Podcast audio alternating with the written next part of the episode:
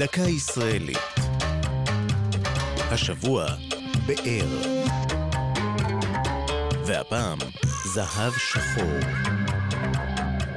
הנפט הגולמי, נוזל סמיך ושמנוני, זכה לכינוי הזהב השחור, בזכות חומרי הדלק המופקים ממנו.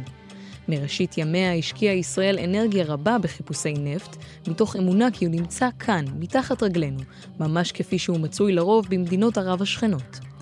באר הנפט הראשונה התגלתה ב-1955 בחלץ שבנגב.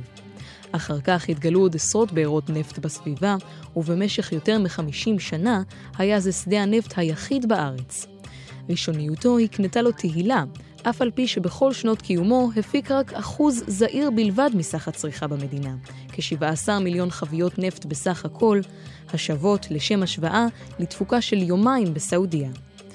במלחמת ששת הימים השתלטה ישראל על שדות הנפט בדרום סיני, אך במסגרת הסכם השלום עם מצרים הוחזרו לה הבארות, וישראל אף שילמה פיצויים על הנפט שהפיקה מהן. מאז שאבה ישראל נפט ממעמקי מפרץ סואץ, מים המלח, משדה מגד באזור ראש העין ועוד.